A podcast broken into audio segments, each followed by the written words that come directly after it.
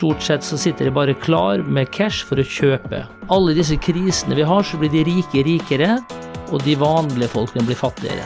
Da sa til, til og med datteren min blir det ikke inflasjon av det. Det er en myte å tro at, det ikke, at, det, at det er vondt i utlandet, altså. Er det stemmer det at du har hatt 0 til 200 i oppkjørselen? Ja, det, det skal. Her er Stavrum og Eikeland, en podkast fra Nettavisen. Arne Fredli, Norges råeste aksjetrader Ja, og Norges, Det var, det var dine ord. og Norges mest kjente Monaco-boer. Ja. Altså, hvorfor flytta du? Nei, jeg flytta jo for 20 år siden. Det var, jeg har aldri lagt skjul på det. var både Men det var tre ting. Det var liksom eventyrlyst. Hadde lyst til å bo internasjonalt. Nå dro jeg til London først, da. Altså Spania, var det ikke det? Nei, ja, men jeg var egentlig i altså London, Spania, da. De første årene. Og så kom jeg til Monaco i 2004, da. Så, så det var skatt, vær og eventyrlyst. Eh, En fin kombinasjon, da. Men også vær og så videre. Så eh, Lite de- skatt, eh, mye eventyrlyst og helst eh, pent vær. pe- pe- Pent vær. Og, og nå er vi etablert det slik at nå har det blitt en annen greie. Hadde det blitt skatt der nede nå, så hadde du blitt der likevel. Kanskje flytte et sted hvor det er mindre skatt. Og I Frankrike er jo mye skatt, så ved siden av, men Italia altså Det, det fins muligheter, da. Men Men hvordan er hverdagen nede i Monaco for Arne Fredli? ja, den er helt fantastisk. Så, Ja, hva gjør du da? så, så det er jo en myte å tro at, um, at eh, sant? Når, når, eh, når Øystein sier at han ikke vil flytte til Sveits, så er det fordi han er i Norge. Folk prater jo sånn som de er. Men, men eh, jeg tror det er en myte å tro at, det ikke, at, det, at det er vondt i utlandet, altså. Så, så, men men, eh, eh, når du er inne på dette her med, med skatt og alt og jeg, jeg, Vi har jo tidligere hatt et intervju med deg i Nettavisen hvor Lysbakken var på, eh, hvor vi regnet ut at jeg også betalte 50-80 millioner i skatt i Norge, indirekte skatter. For kapitalen min er investert her, så jeg eier aksjer i banker osv., og, så videre, og de betaler overskudd. Altså Om du eier 5% eller, eller 100 har jo ikke noe å si om du har 5, 20 selskaper av 5% så er det jo kapitalen din jobber jo da. Og jeg har jo et, et hus her å kjøpe, kjøpe moms og tjenester osv., så, videre, så så det kommer inn. Men formuesskatten er da Den betaler ikke. Men jeg har jo kildeskatt, så som man har utbytteskatt. Så, eh, men det blir jo mindre. Men eh, den største forskjellen er jo da eh, største forskjellen er jo da eh, formuesskatten. Men det jeg hadde lyst til å si, var det at eh, jeg tenker Jeg har tenkt mye på dette her med eh, ærligheten med folk. Altså eh, hvilken hylle Jeg bruker å si at eh, det kommer an på hvilken hylle du havner på i livet. Nå er dere journalister, jeg, jeg begynte med aksjer, syntes det var gøy. Det var ikke for å tjene penger, jeg syntes det var gøy å investere. Jeg kunne blitt gymnaslærer i Molde. Eh, Da har jeg vært på en annen hylle, og jeg må si også at jeg har veldig sympati for lærerne. De, de får ikke noen gjennomslag. De er på en måte låst inn i en sånn fellesstrategi fra LO, eh, og får ikke gjort noe. Og, og hvis du bare tar lærerne, da, så er jo kanskje det aller viktigste altså Olje, den forsvinner en gang, og det eneste vi kan leve av, er kunnskap. Altså skape entreprenør, sånn som de beste universitetene i USA skaper nye entreprenører hele tiden som skaper virksomhet, og kaka blir, blir større. Så det er jo det vi vil ha, da. Og derfor så tenker jeg at uh, vi så når Paul Shaffi og Arntem Henriksen gikk fra SV, så bytta de parti. Altså, det forandrer seg der du er. Hvis du arver plutselig en bedrift, så er du bedriftsleder. Uh, og skatt må du ha. Det er også skatt i Monaco. Eh, Der er det slik at eh, 70% av budsjettet i Monaco betales av moms. Så det er jo fransk moms, da. Og så er det et lite land, eh, lave kostnader med å drifte landet, slik at, men, men det er jo, og så er det noen eiendomsskatter da, på, og på omsetning, og dyrt å omsette, og det er også eh, for leieinntekter. Så, så de har jo nok inntekter, og da trenger de ikke ta inntektsskatt. Eh, og det gjør Luxembourg også, lav, lav eh, inntektsskatt, så det er jo ikke vits å skatte mer enn det du trenger. Og, og, og jeg tror sånn, i, i Norge, sant, hvilken hylle du havner på, alle, alle snakker om eh, i Norge at de betaler skatt med glede, det gjør de sikkert, men de vil ikke betale mer enn de trenger. Og vet at alle tilpasses, om det er Gro Harlem Brundtland eller Jonas Gahr Støre eller på Stortinget eller eiendomsmilliardærene som har lav formuesskatt. Alle ønsker å betale eh, innenfor reglene, men ikke mer enn de trenger. Og jeg tenker at øh, Og jeg investerer også i Norge, så jeg er opptatt selvfølgelig av, av selskapsskatter osv. Men jeg syns øh, det, som, det som jeg syns er verst med Norge, sånn sett, er at det sløses mye, da. Staten sløser. Og vi har jo snakket om i et annet intervju at øh, jeg tror det er 20% av budsjettet, 15-20% er sløsing. Det er eh, tankesmie til Røe Larsen, det er kunstnere som kaster blod ut av rumpa, det er konsulentbruk, det er Nationaltheatret eller altså Alt de skal gjøre, blir dyrt. Det går inn i felleskassa, og vi er alle like, og det går en grense. Så når, når røkken og pengene blir store, da, vi må også ha respekt for det at hvis du tjener Jeg, jeg leste her at du må nå tjene ca. en million i Norge for at du ikke får penger eh, av staten. Kan dere det tallet? Nei. sant? Hvor høy lønn må du ha for at du ikke får netto tilbake, da? Ja, sånn, ja. Du skjønner den? Ja. Ikke sant? Så hvis du tjener 500 000, så er du netto bidragsyter. Og dette er jo et viktig tall, men når tallene blir store, så vil Røkke bestemme litt av pengene selv. Om det er give in pleasure, man har lyst til å være med og dele ut, sånn at det bare går inn i felleskassa, og det sløses litt ut. Og som forretningsmann så er vi jo veldig opptatt av å ikke sløse. Men altså, det henger jo litt sammen med den du nevnte i sted. Han. Han har mye av formuen sin på børs. Du trader jo mye på børs, så du ville også fått veldig mye formuesskatt. Riktig, så da, og det er også en skjevhet i systemet at eiendomsmilliardærene da betaler jo ingen skatt, for de har jo mer enn, det er vel 25% det skal verdsettes, så de har mer enn 25% i gjeld da, på eiendommene, og det er også feil. Så, så, så, så det, er, det er mange ting som må fikses på samme tid, eh, men eh, grunnrenteskatt på, på, på eh, altså, eh, jeg ser ikke bort fra at man kunne hatt en mye lavere grunnrenteskatt, men den skulle vært, kommet for lenge siden, vært varslet da. Altså det, det er ufor, ufor, uforutsigbarheten som ikke er bra for investorene. Da. Man må ha et, Norge bør ha råd til å være et land med veldig uforutsigbarhet. eller for, forutsigbarhet. Det er viktig. Men mange eh, Norges uh, Men bare tilbake til det, det med skatteprosenten. Da, så jeg tror at skatten skal være et sted mellom 25 og 50. Jeg tror man hadde tjent på at en lavere flat skatt, som vi har snakket om 100 ganger. Men jeg bare ser, det har vært undersøkelser på dette at når det blir over 50, så, så, så begynner folk å bli, miste litt motivasjon. 60-70. Og hvis du skal bake en kake, da, så, så, så må du ha en kake før du kan dele den. Så hvis det ikke er noe kake å dele, så blir det jo mindre for alle. Men, men nå, eh, eh, disse skatteadvokatene i, i Norge de møter sånne uformelle fora, og så snakker de sammen og diskuterer hva som holdes på. Eh, Nå sies det at de jobber med 900 rikinger som vurderer, ikke har beslutta å flytte, men vurderer å flytte eh, fra Norge. Mm, Sjokkerer det deg? Ja og nei. Altså, jeg tror at Det var en som sa at det, viktigste er at kapitalen blir i Norge. Men det er klart, eh, på sikt, når andre generasjon kommer, så kan jo kapitalen flytte. Jeg holder jo på fortsatt i Norge, stort sett. Og, som før. Men det er klart, generasjonen etterpå kan jo plutselig da være i andre land, så det, på lang sikt så er det jo ikke bra. Ja, Dattera er vel i Chicago nå? Ja, ja, ja, ja sant? Så, men du skal ikke få kloa i penger enda.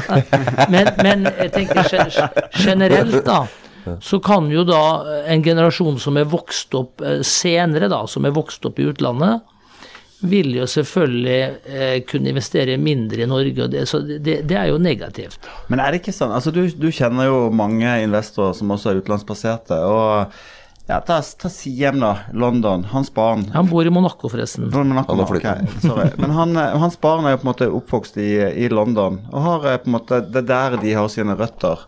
Det er det normale, vil jeg påstå. Eh, Det, Ja, det vil jo bli det på andre og tredje generasjon videre. og da vil de jo ikke investere i Norge.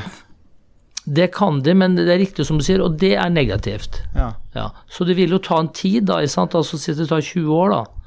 Og så vil, vil, vil de investere mindre i, i Norge.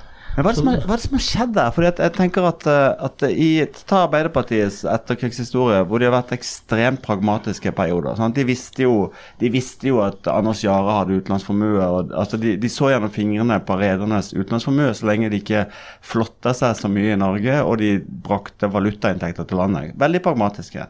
Men nå, eh, nå virker det som om det er liksom plan én. Det er å å plage de, plage de rike sånn at de flytter ut av landet. jeg, jeg skal ikke uttale meg det, men jeg tror også at uh, middelklassen, altså lærere, aldri sakte litt for mye et, akterut, altså.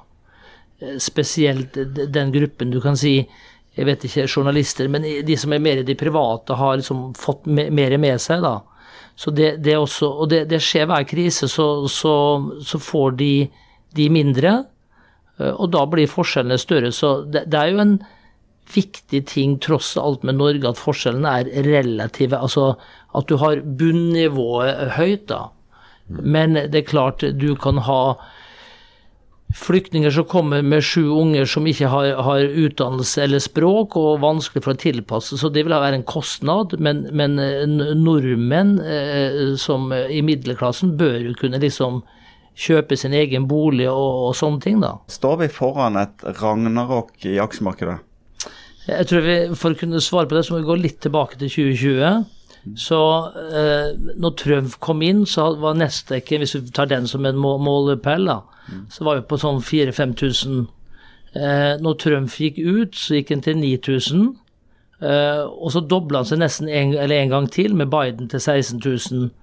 Og eh, i januar 2020 så mente jo mange at markedet hadde, det hadde vært Men det var god vekst i økonomien, rentene var fortsatt lave. Man hadde jo hatt kvantitative lettelser i, fortsatt etter ti år. Og renten, altså alternativkosten på å investere, som vi kommer tilbake til, den var fortsatt veldig lav, og det var ingen grunn for å flytte penger.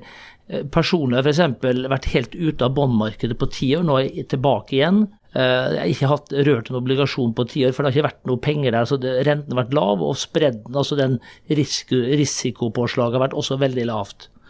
Slik at det har vært bare risk on hele veien. Eh, 2020 kommer, januar. Eh, noen syns markedet kanskje allerede er stretcha, men rentene er lave osv. Så, videre. så kommer det et klassisk krekk da i 2020. Det kommer en pandemi. Alle tror at dette har en kostnad. Eh, Eh, da fikk man en sånn klassisk perfekt krasj, sånn som jeg elsker det, da, hvor det faller fort. Og det er jo det som kanskje ikke skjer akkurat nå, at nå har vi falt ferdig litt, og så faller det sakte. Men eh, da falt altså RSL fra 136 til 19, vi hadde Pandox fra 225 til 50. eh, 50 under emisjonskursen fra 16 på 125. Vi hadde Pareto Bank på 20. Vi hadde Hydro under 20. Vi hadde til og med Apple på 50.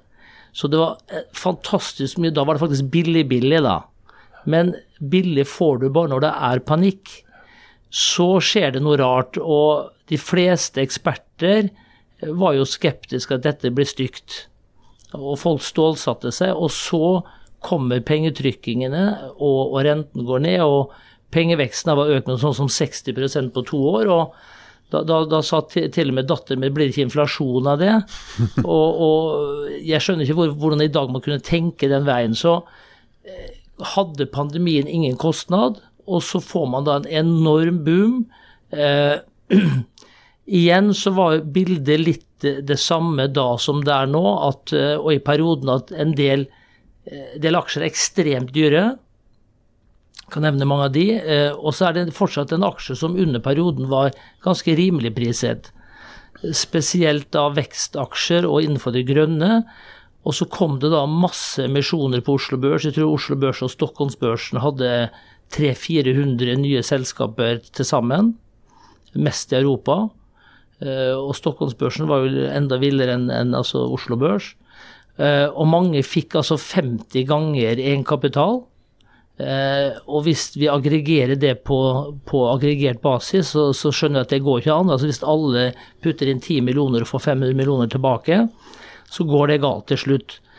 Og eh, jeg var selv på mange sånne one-to-one-call eh, som potensielt cornerstone. da.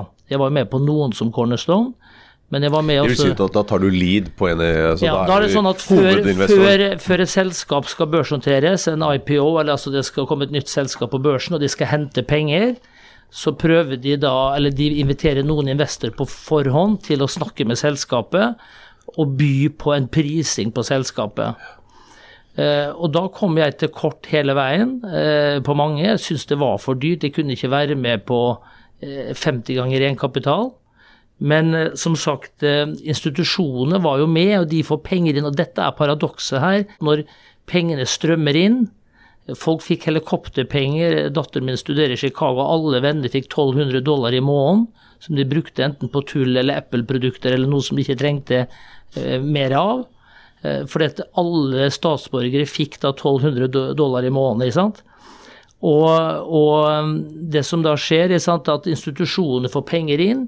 De er med, så de er også litt av skylden her, for de må sette ned foten og si at dette er for dyrt. Eh, og så kommer dette i avisene, og så skriver eh, tilretteleggende positive analyser som har negativ verdi, som vi skal også fortelle om. Eh? Vi proffene hører ikke på disse, disse mm, analysene. Eh? Småsparerne leser avisene. Eh, det- dette mm, med euforiske analyser på alle disse grønne og, og kan si ja, det var vind, hydrogen osv. osv. Eh, og euforiske analyser. eh, Og de blir dratt med. Hva gjør vi da som syns Vi, vi er på en del sånne chattegrupper da, hvor det er en del fornuftige folk, og alle vi syns det var dyrt, men vi må også være pragmatiske. Jeg uttalte en gang at selv Andreas Halvorsen kjøper aksjer han ikke liker. Og det gjelder jo også, også vi må jo bare prøve å tilpasse oss. Som jeg har sagt før, jeg tror jeg har vært med på rundt 1000 emisjoner da, siden eh, covid. Og har vel tjent på 995 av dem bare fordi jeg visste de var dyre, og passa på å komme ut i tide da. Eh, eh, ble med en tur opp, kanskje solgte for tidlig, men noen solgte jo også. De fleste er jo langt, langt ned da. Og, og hvem er det da som har tapt her? Altså Institusjonene de består jo av det er eh, pensjonister det, er, så, altså, så det er de som er taperne som, det som er litt trist, og det, dette, er jo, dette er jo sikkert bra for sosialistene å høre, men alle disse krisene vi har, så blir de rike rikere, og de vanlige folkene blir fattigere. Det er to grunner til det. Det er det at eh, myndighetene hjelper de, de er too big to fail, så de får penger. I tillegg så vil alle disse retail-investorene, som spesielt denne gangen kom altså millionvis av nye retail-investorer inn, og de gjør dumme ting, og pengene havner da i lommene til meg og andre, da, som, som klarer å utnytte dette her, da, ikke sant. Og, og ikke sant eh, eh, disse retail-investorene de, de regner aldri på hva det er verdt. De leser avisene, og, og de har en idé om at produktet er spennende, noe sånt, men de har ingen idé om de har ikke noen, Jeg bruker å si at det aller viktigste som investor er å vite hva du eier er verdt. Du må vite hva jakka di er verdt, du må vite hva bilen din er verdt, hva huset ditt er verdt, hva alle aksjene dine cirka er verdt. Retail-investoren, da snakker du om folk flest som Ja. kjøper aksjer Ja. eh, av noen meglere. Drosjesjåfører og alle andre. All, alt mulig. Og, og den gangen her kom jo øh, sant? Og jeg har jo sagt tidligere at jeg er redd for Vi, vi, får jo se, det, det har jo falt nå, og vi, vi skal komme tilbake til litt om, om hvordan det går videre nå, da. Men eh, jeg ser ikke bort fra at mye av disse regningene må havne på Nav. Eh, i, tillegg til strømpriser og økte renter som kommer nå, så kan det bli tøft for mange. Men la oss, la oss begynne, la oss fortsette der vi begynte, egentlig. For du beskriver jo på en måte en, en, nærmest en finansiell boble hvor det har blitt altfor mye penger inn i markedet. Og så, så spoler vi fram til i dag. Ja. Hva skjer i morgen og i tiden som kommer? Ja, så du kan si at eh, Jeg kan bare si at eh, eh, Så f.eks. hvis du tar rentene, da, bare som en starter der, så, så forvent Det som ligger i markedet nå, nå forventes den amerikanske seksmånedersrenten om seks måneder. Så hvis du nå går seks måneder frem og ser hva seks måneder koster i penger, så er den forventet til 6% nå. Det er mange som ikke har fått med seg, tror jeg. Altså, Tolvmålsrenten er 5,5 og seksmålsrenten er 4,9, og implisitt da så vil du ha altså en 6 Så rentetoppen nå i USA forventes til å være rundt 6% Kanskje ikke Fed Funds, for de ligger ofte litt lavere, men interbankrenten, da. Det folk må forholdes til, da. Og vi er allerede i går gikk jo 30-åringen videre opp. Eh, litt overrasket at markedet er så bra som det er. Altså Vi er på 4,4% for 30-årspenger. Og vi, og vi vet jo at pensjonskassene løper jo mannen av huset for å plassere på 1 Og nå mens de kan få 4,4 da, på 30 år helt sikkert, og kanskje eh, obligasjoner med en rentespredd så er det 7-8 eh, Det vil de ikke ha nå, for nå er de allerede plassert og er på, på defensiven. Og, og vi husker også at tyske statsobligasjoner var minus 0,5% på ti år, altså den tyske bonden, da. Folk plasserte penger på ti år med å tape en halv prosent per år. Så rentene kommer nok til å bite her, vi får se. Eh, det går som oftest bedre enn man tror til slutt. Eh, men, eh, men, jeg er litt overrasket over at den 30-årsrenten ikke kommer ned. For man skulle tro at man fikk en altså Det jeg har sagt lenge, og jeg sa også her når jeg solgte disse skipene, var at, at det kommer en resesjon. Det er helt sikkert. Og jeg syns det er veldig rart at flere tenker på at det ikke kommer en resesjon. Det er helt 100% sikkert. Og det man egentlig er nødt til å gjøre, er å resette økonomien. Det er som å, Noen ganger så virker ikke PC-en. Og Du kan gjøre hva du vil, men hvis du resetter den, så virker den. Og, og, det blir litt det samme økonomien at dessverre så må er arbeidsledigheten 1,6% i Norge. Det er jo sånn hyggelige tall, men det betyr jo egentlig at det er for lite, altså det er for mange, for færre som søker jobb. fordi at eh, man har jo snakket om en 3-4% i Norge er kanskje den normale arbeidsledigheten, og i USA er det høyere. Slik at, eh, og I USA er det stramt, og mest sannsynlig så må arbeidsledigheten opp for å stoppe denne spiralen. For å komme tilbake til null. Og da finnes det ikke noen vei utenom å få en, en resettende av økonomien. Men, men, du sier at renten uh, skal videre opp, egentlig? Det, det er det du sier. Altså, da skal jo egentlig aksjemarkedet den, ned, sånn i prinsippet, skal det ikke? Ja, den, den korte renten vil nå altså Akkurat nå ligger det an til at det blir en rentetopp om seks måneder, da. Og så tror man at den rentetoppen i USA på 6 da, det er jo høyt, altså. Det betyr jo da at et, med, med, et mortgage i USA nå 30-åringer 4,4, så koster det nesten 7% Og det er eiendomsskatter på 1,3% eller så iallfall 1 eller pluss i snitt. Pluss vedlikehold så er det på 8-9% for å kunne leie ut fornuftig, da.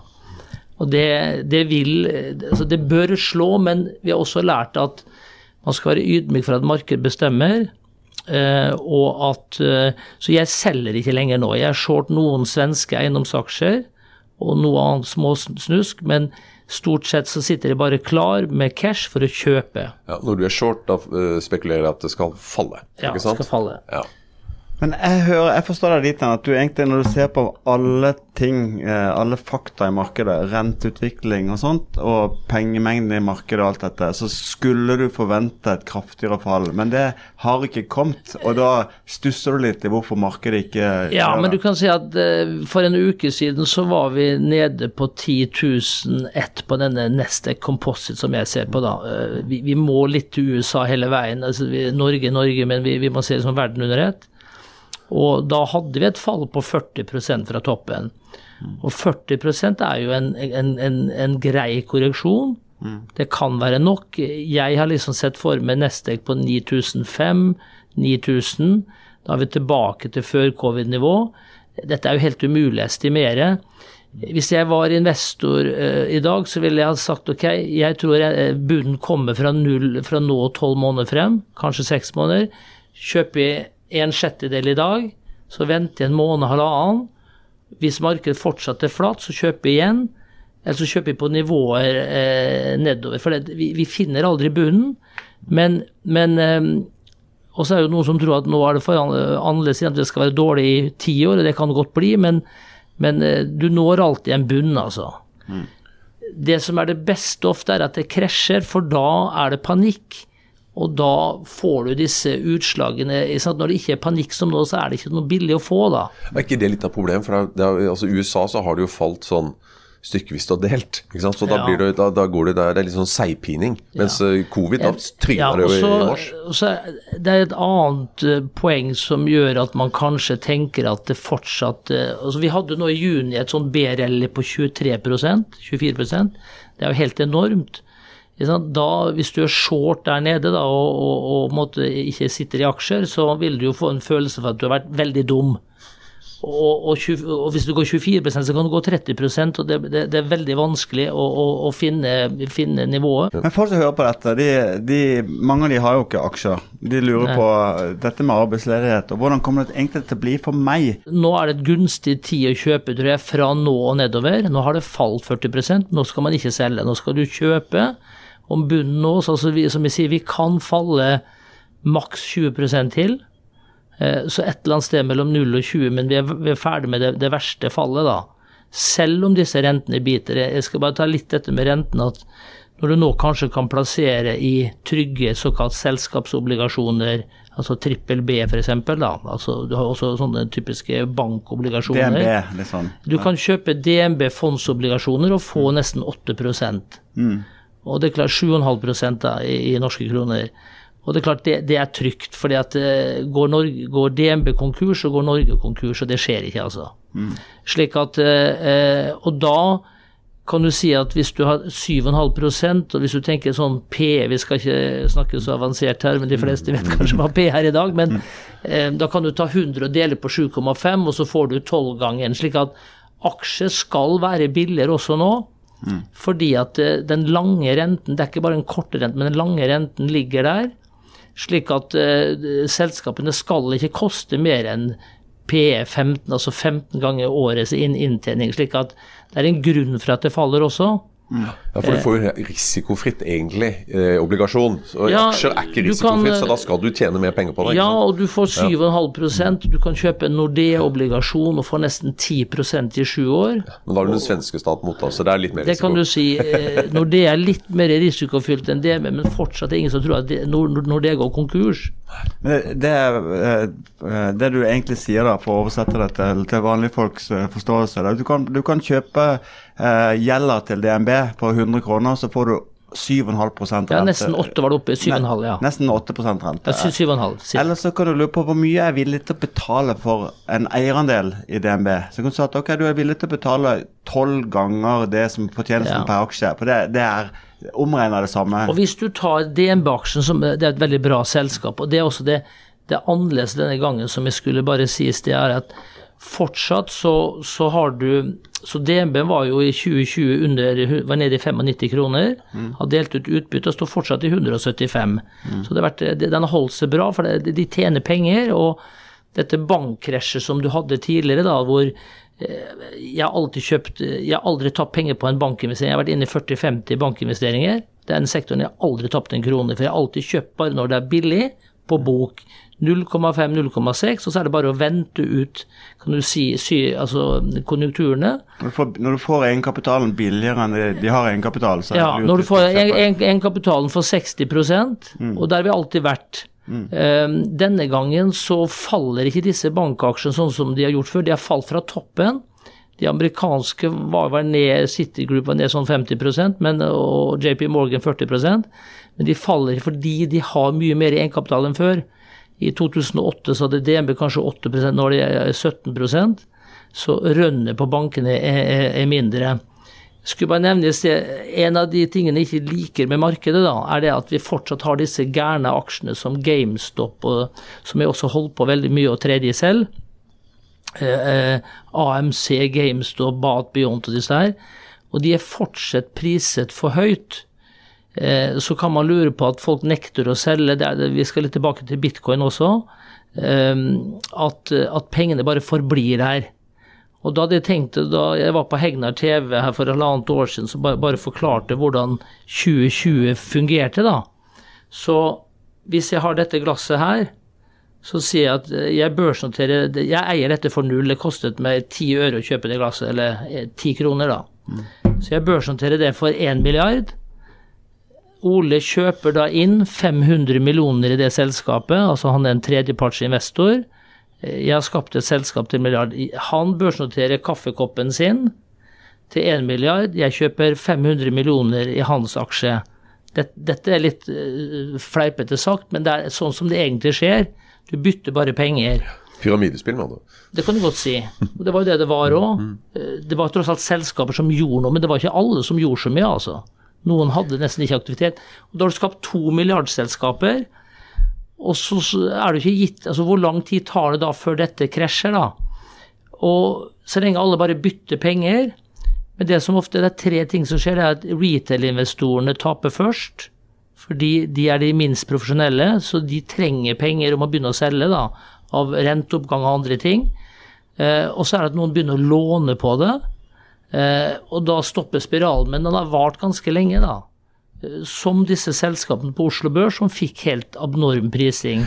Ja, For nå snakker du om disse grønne, eh, hovedsakelig mye grønt, Ja, ikke det var hydrogen, vind og karbonfangst og masse, masse, masse forskjellig, da. Som, og, og en del andre eh, ting, altså tech videre, da. Men du eide jo litt av dette. De, de dumme aksjene som Ja, men jeg har vært med på alle. Men, altså, vi må jo bare eh, tilpasse oss. Men jeg, jeg, den, eh, jeg har jo vært med mange krasj før. Og i 2009 så satt jeg igjen med noen dumme aksjer. Det var et greit år, gikk vel i null eller noe sånt. Men denne gangen her så har jeg passet på, og jeg var helt bevisst på at jeg skulle ikke sitte igjen med noen dumme aksjer da. Men, men, ja. Så når, når Aker la oss ut på 36, så, så solgte de på 50, og nå er den 12. Og så, et eksempel, da. Men Så dette er Røkke du snakker om? nei, nei, ja, men det, det er tusen andre eh, altså, Ja, men Spetalen har også vært inne her. Ja da, men ja. han har Men når de går grønt, hva sier det der? Nei, jeg tenker at uten å De, de tenker at det er, en, det er en mulighet til å tjene penger. Men er det et rødt flagg, da? eller? Det er nok et rødt flagg også, men det er jo meglerhusene som, som priser dette her. Og de må skjerpe seg. Og eh, retail-investorene, da, siden Nettavisen eh, Sikkert mange lyttere fra, fra retail. eh, De må rett og slett lære seg å si det for hundrene. Jeg har sagt det i fem podkaster før, at de må ikke følge sånne bjellesauer. fordi at når det står i avisen at vi har kjøpt, så kan vi allerede ha solgt. Og jeg prøver å være ærlig på det, og disse analysene som kommer da fra tilretteleggerne, de er på etterskudd. Så de kommer altså sist inn. Og, og de må rett og slett bare prøve å tenke selv, og prøve å tenke på hva denne aksjen verdt. Eh, Det er det eneste måten å gjøre det på, altså. Men er det kriminelt, dette meglerhuset holder på med? Eh, nei, altså det, det er jo ikke det, men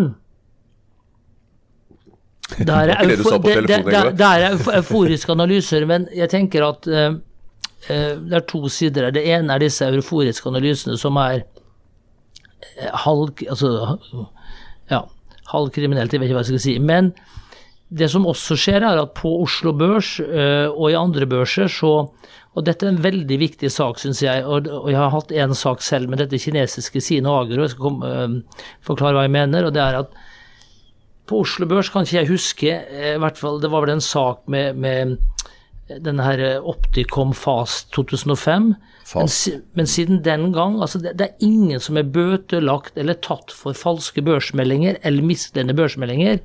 Jeg har sikkert 100 eksempler. Jeg, kan, jeg orker ikke å, å skjelle ut noen nå, men vi kan etterpå fortelle ti konkrete eksempler på falske børsmeldinger, altså falske eh, Og de bør ikke være falske, men de bør være misledende, altså letter over intent. På, også, også, Altså Det er en liksom-kontrakt? En, en, en liksom- liksom-kontrakt Ja. og, og, og et, et positiv view. Du kan egentlig si hva du vil. Og hvis du ser i USA, han derre Nicola Motors, han Trevor Milton, eh, han levde jo i beste velgående og, og løy som han ville. Men da kom denne Hindenburg Research, og vi trenger sånne faktisk. Noen er jo mot han derre um, Iljan i dette SBB i Sverige, altså dette eiendomsselskapet som prøvde å kjøpe Entra, da. Han kjøpte Han- var det ikke? Ja, han kjøpte jo Solon, og han ville kjøpe Entra også. Det var jo veldig bra at han ikke fikk Entra, da. Aksjen har jo falt 85 og, og han er jo bare sur og mener at han skal anmelde shorterne osv., og, så videre, og, og mot alle som Dette er jo bra for markedet at noen har en mening. Så shorterne har også en funksjon for å stoppe at boblene blir for høye, da. Men i USA eh, snakkes det jo nå om at han Trevor Milton kan få 25 år i fengsel. Altså Han har sikkert gjort mye, han, men det er andre som har gjort likedan mindre skala over, over alle børsene. Så jeg mener at Finanstilsynet, en oppfordring at de må Oslo Børs også, og, og, og Finanstilsynet må følge med i timen. Så kan du si de, de får sikkert tips. og i denne Sino Agro-saken, eh, dette kinesiske selskapet som jeg var inne i da, eh, som var bare svindel. Eh, Der sendte vi over materiale til Finanstilsynet som de kunne sendt, for det er jo også børsnotert i USA, men de løfter ikke en finger. Så, så her mener jeg eh, Og det er litt viktig, fordi at selv jeg tenker at børs er kvalitetsstempel. så tenker jeg at eh, sånn som Hydro, Yara, disse selskapene, det er solide selskaper. Jeg tror det er lite tull der. Altså det er lite snus. De, de har interne rutiner, og det er vanskelig. Men disse andre selskapene, da. Der, der er det lett å, å, så- å Som en retail-investor så tenker du at det er på børs, det må jo være sant, alt som står. Så dette er også viktig for å hjelpe når vi nå får så mange Og det er bra at folk sparer aksjer, men det er ikke bra at folk sparer aksjer som er verdiløse. Men, men tar ikke Finanstilsynet og Økokrim dette alvorlig? Altså, jeg regner med at Ja, men- når du ja, men- kommer ja, dette, så det får du line opp alt. Ja, ja, men det er jo ikke ett eksempel på at noen har fått noe pålegg for noe feil noen gang. Men du, du beskriver jo et system eh, hvor da du børsnoterer van- vannglasset ditt, og Ole børsnoterer kaffekoppen sin for en milliard hver. Da er det jo en tilrettelegger eh, som får provisjon for å gjøre det. Du tjener penger på det. Og etterpå så lager den en analyse og sier at dette vannglasset og denne kaffekoppen det er grovt undervurdert. Vi tror Ja. at det er et nytt salgsmål. Og da Ja. kommer disse retail-investorene, folk flest, og leser de analysene og får lyst til å kjøpe det. Men da har jo gründerne kanskje for lengst solgt ut en Ja, eller i hvert fall, hvert fall vi, vi som var med på emisjonen. Cornerstones. Ja, eh, Cornerstones også, også men, men eh, så kan du si at er det umoralsk? Altså, eh, jeg er enig i at eh, meglerhusene må også skjerpe seg. og Jeg har jo ikke noe tro på at noen andre i aksjemarkedet er der for å være snille med meg. Jeg tror jo at alle der er ute etter å gjøre en Ja, bedre deal og lure meg. du, er, du er jo litt trent og har vært med noen år, da. altså Vi må tenke her på, på um, en, en, eh, både student og en sykepleier som er 22 år og har null erfaring, altså. Men nå, nå har vi vært bortom aksjemarkedet. Men eh, vi har jo hatt eh, folk her i studio som, som mener at det er veldig smart å sette pengene i bitcoin, og der, eh, der melder jeg meg av. Jeg skjønner ikke Nei, og, og det er jo litt morsomt, fordi at eh, eh, det er jo eh, hva vi, vi snakket om før sending, at det var et ordtak, det var en kjent forfatter som sa at det er lettere å lure folk enn å, enn å få dem til å tilstå at de blitt lurt. Og dette er jo litt sånn interessant, for jeg forstår ikke bitcoin, da. Jeg forstår ikke hva vi skal, men jeg forstår hva det er. Nå forstår ikke jeg blokkjedeteknologien, og den, den skjønner jeg kan ha sin funksjon, da. Men du skal ofte ha litt selvtillit for å tørre å si jeg ikke forstår. For det er jo flaut å si man ikke forstår. Så, eh, og, og jeg har jo snakket om, om, om det før, da, at jeg tør ikke å shorte krypto. Jeg har ikke vært short. Eh, og man kan jo slå fast at krypto har ingen realverdi. Eh, det produserer ingenting. Eh, det er ingenting du kan dele ut. altså Det er ingen rente, ingen utbytte, ingen avkastning. Altså som en åker eller en eiendom eller en bank, da. Slik at eh, det, det, det, er kun det at noen skal kjøpe det dyrere, for det, det har ikke noen rente altså Du får ingen avkastning av det. Og Derfor er det helt umulig å, å sette verdi på det, da. Jeg, men jeg, jeg ser på det litt som, re, som eh, religion. Hvorfor har hvor, Religionene går gjennom hundrene år og fortsetter. Selvfølgelig, der var jo litt sånn skremming med dommedag, da. At du måtte være i religion, eller så kom dommedag. Men det er litt sånn at er det nok troende, så fortsetter denne religionen. Eh, Og jeg ser ikke bort fra at bitcoin Jeg ser at den har stabilisert seg veldig nå rundt Altså, den, den følger Nestekken veldig, da. Men den har jo performa dårligere enn Nestek på de siste fem årene, f.eks. Den startet samtidig, og så gikk den veldig høyt, så var den forbi Nestek, og så kom, kom den ned igjen. Men, men så Jeg ser ikke bort fra at den kan gå opp. Men men jeg har tenkt veldig mye på bitcoin for jeg har lyst til å forstå det, da. Um, og, og jeg møter jo mye smarte folk innimellom. Så jeg, jeg bruker å si at innenfor dette bitcoin-universet så er det fem typer aktører, da. Den første gruppen er disse smartingene fra Stanford og Harvard, som egentlig tjener på økosystemet, da. Eh, Altså tilretteleggerne, kan du kalle det, da. Som, som eh, Og bør ikke nevne navn, det var en, en, en bekjent av med som var en svigersønn som har da Harvard College og Stanford MBA. Og, og disse er jo farlige, for de har legitimitet. og Han er jo supersmart, og jeg kan jo ikke prate ned i seng, for at han prater meg i seng. Er det og, mulig? og, og han ville ha meg inn på bitcoin på, på 65 000 på et fond i fjor. Så sa jeg, jeg kan ikke kjøpe bitcoin på 65 000, bare- jeg hadde ikke kjøpt uansett. Men bare for å få a- avfeien, da, så, så sa han ja, men disse early days, så sa han, men jeg kan ikke kjøpe ti ganger høyere enn enn den stripperen kjøpte, eller hvem det var. Altså uansett poenget. eh, Og, så du har den gruppen der, og de, de tjener bare på systemet. De, de lager eh, depotbanker, kryptofond osv. Så, videre. så har du den andre gruppen, som er disse her datanerdene som endelig kom noe innenfor deres bransje som de kan forstå. De forstår kanskje dette med blokkjede, at det er noe viktig med det, men selv om blokkjede er bra, så trenger vi ikke krypto. Så har du den tredje gruppen, som er anarkistene. Disse er sånne som hater myndigheter, og de kjøper rett og slett bare fordi at de vil altså, ha en desentralisering. De vil ikke eie, kan du si altså De vil ikke hjelpe systemet, da. Med, med myndigheter og banker osv. Så, videre. så har du denne her fjerde gruppen, som er disse forvalterne som jeg sier har FOMO, da. Fear of missing out. De er livredd for, for senere å få kritikk for ikke å ha vært inne i krypto. Og så kjøper de 2% av porteføljen. Og hun Katie Woody Ark da, hun hadde jo regnet ut at det skulle gå til 1 million, milliard, nei, 1 million dollar. Og hvordan hun regner ut det, er sikkert bare for at hun sier at så og så mange skal, skal kjøpe det. Og så har du 70% resten som kjøper, og det er da alt fra eiendomsmeglere til studenter til hva som helst.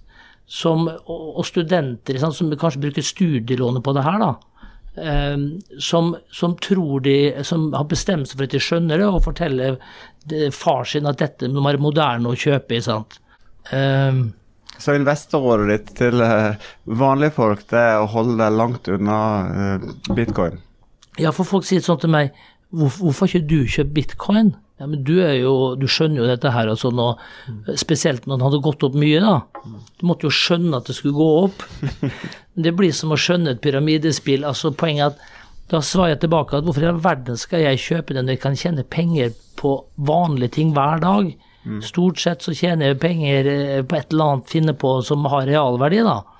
Og så lenge det fins muligheter der, så ser jeg ikke noe grunn til å prøve meg på det, da. Så Det eneste argumentet for bitcoin er jo at det er et glimrende redskap for kriminelle. da. Du skal flytte på, på tvers av landegrenser og, uregulert. Og, og det er jo også, sant, så Du har dette med, med hvitvasking, kriminelle, og du har jo også dette med miljøeffekten. Og så, har du, så leser jeg også her nå at Nord-Koreas største inntektskilde nå på valuta, for de, de trenger valuta, de driver jo hacker og, og, med fakturer og sånn, men nå har bitcoin blitt størst. Og de har hacka for en milliard dollar i år, og ca. seks milliarder dollar totalt. altså Hvordan det er tall på, det vet jeg, men, men så der sitter altså en, en gjeng og hacker sant, og stjeler wallet. Og det er også en sånn risiko, øh, tenker jeg, at øh, sånn som jeg forstår dette her, da, så må du for å være Det å ha din egen wallet, øh, da har du en risiko for at noen kan hacke deg.